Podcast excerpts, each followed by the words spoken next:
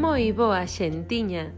Benvidas ao episodio número 52 de Unha pedra no zapato. O control pode aplicarse explicitamente a través da forza física ou da agresividade verbal, pero creo que as estrategias controladoras máis comuns móvense maioritariamente no terreo do psicolóxico. Todas estas estrataxemas facémolas co total convencemento de que se basean no amor que sentimos pola outra persoa cando, de feito, baséanse nos nosos medos e inseguridades. Probablemente, identificar cando os demais tratan de controlarnos sexa máis fácil que detectar o control que nós tratamos de exercer sobre as outras. Mais que nada, porque culpar ás demais é psicolóxicamente máis soportable que asumir as propias sombras que guardamos entre bastidores. Ás veces, dende unha actitude pasivo-agresiva, somos capaces de verbalizar ameazas implícitas, chantaxes ou críticas destructivas para conseguir que a outra persoa non se atreva a facer ou a dicir algo que consideramos que non nos convén ou que cremos que non lle convén a ela. Isto fai que provoquemos medo e humillación na outra para mantela baixo a nosa A.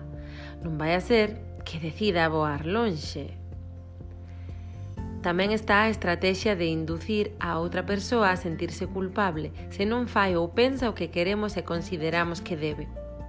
Asemade, podemos comportarnos de xeito que a outra persoa sinta que non é amada debido a que non fai o que queremos.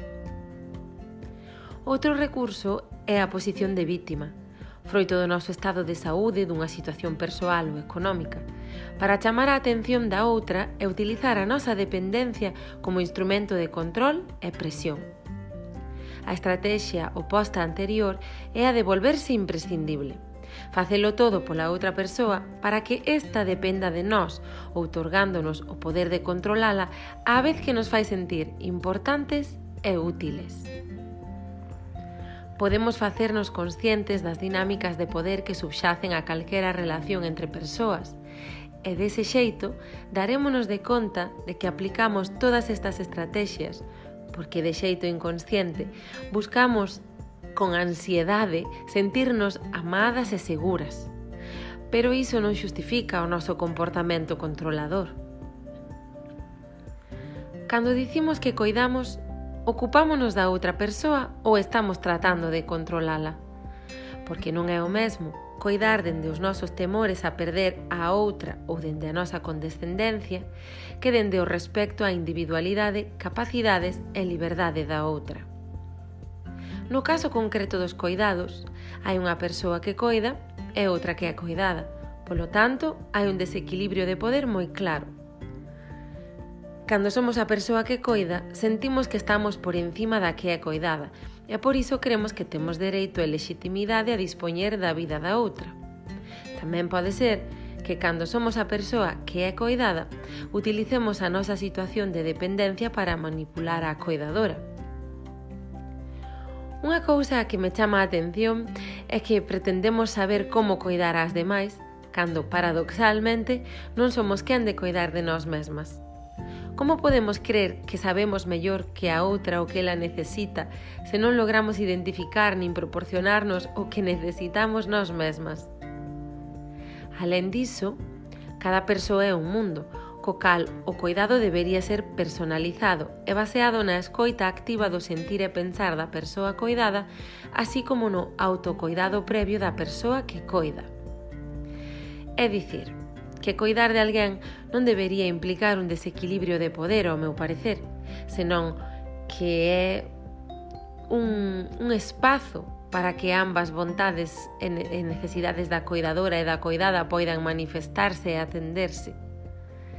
Creo que os exemplos máis potentes dese control disfrazado de coidado danse nas relacións entre proxenitoras e a súa prole e nas relacións de parella. As proxenitoras intentan limitar os pensamentos e sentimentos das súas fillas cando ven que son diferentes ou contrarios aos seus. Como criar e educar a rapazada? Non son eu a que ten a resposta, pero ocórreseme que evitar o control psicolóxico podería ser un primeiro paso.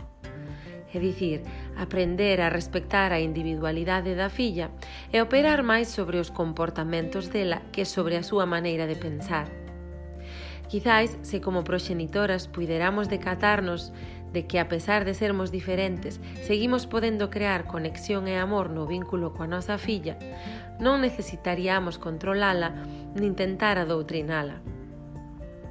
No ámbito da parella, as inseguridades das implicadas fan que as loitas de poder sexan unha cotiandade, Unha cotiandade normalizada, baixo o paraugas eufemístico da sedución, paixón, tensión sexual ou discusións. Os nosos medos, o abandono e o rexeitamento fan que inconscientemente exixamos un certo comportamento da nosa parella para que poidamos sentirnos sen sospeitas nin celos e de aí que queiramos controlar a outra, que faga e actúe de xeito que nós sintamos que vai seguir ao noso lado. Quizáis, se como parellas puideramos decatarnos de que somos espellos que detonamos e reflectimos as mochilas emocionais da outra, non necesitaríamos controlala nin tentar retela. Temos medo a que nos abandonen, á soidade, a ser rexeitadas, a ser deixadas, a que non nos dean atención, a que nos ignoren, a morrer, a que morran as persoas que amamos, a que descubran os nosos defectos, a non ser abondo. E todos estes medos propios son o combustible das nosas estrategias de control para coas outras. Somos responsables das nosas accións. Polo tanto, se identificamos o medo que nos cega, será máis doado parar un momento a observalo e decidir conscientemente como imos actuar.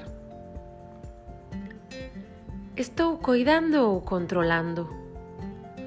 Moléstome cando a outra persoa non fai o que eu lle suxiro ou aconsello. Son capaz de ver que o meu medo a perder a outra persoa guía os meus comportamentos con ela. Que non estou querendo ver de min cando exerzo control sobre a outra persoa? Hai outra maneira de coidar? A que teño medo? Moitas grazas por escoitar e mándovos unha aperta inmensa.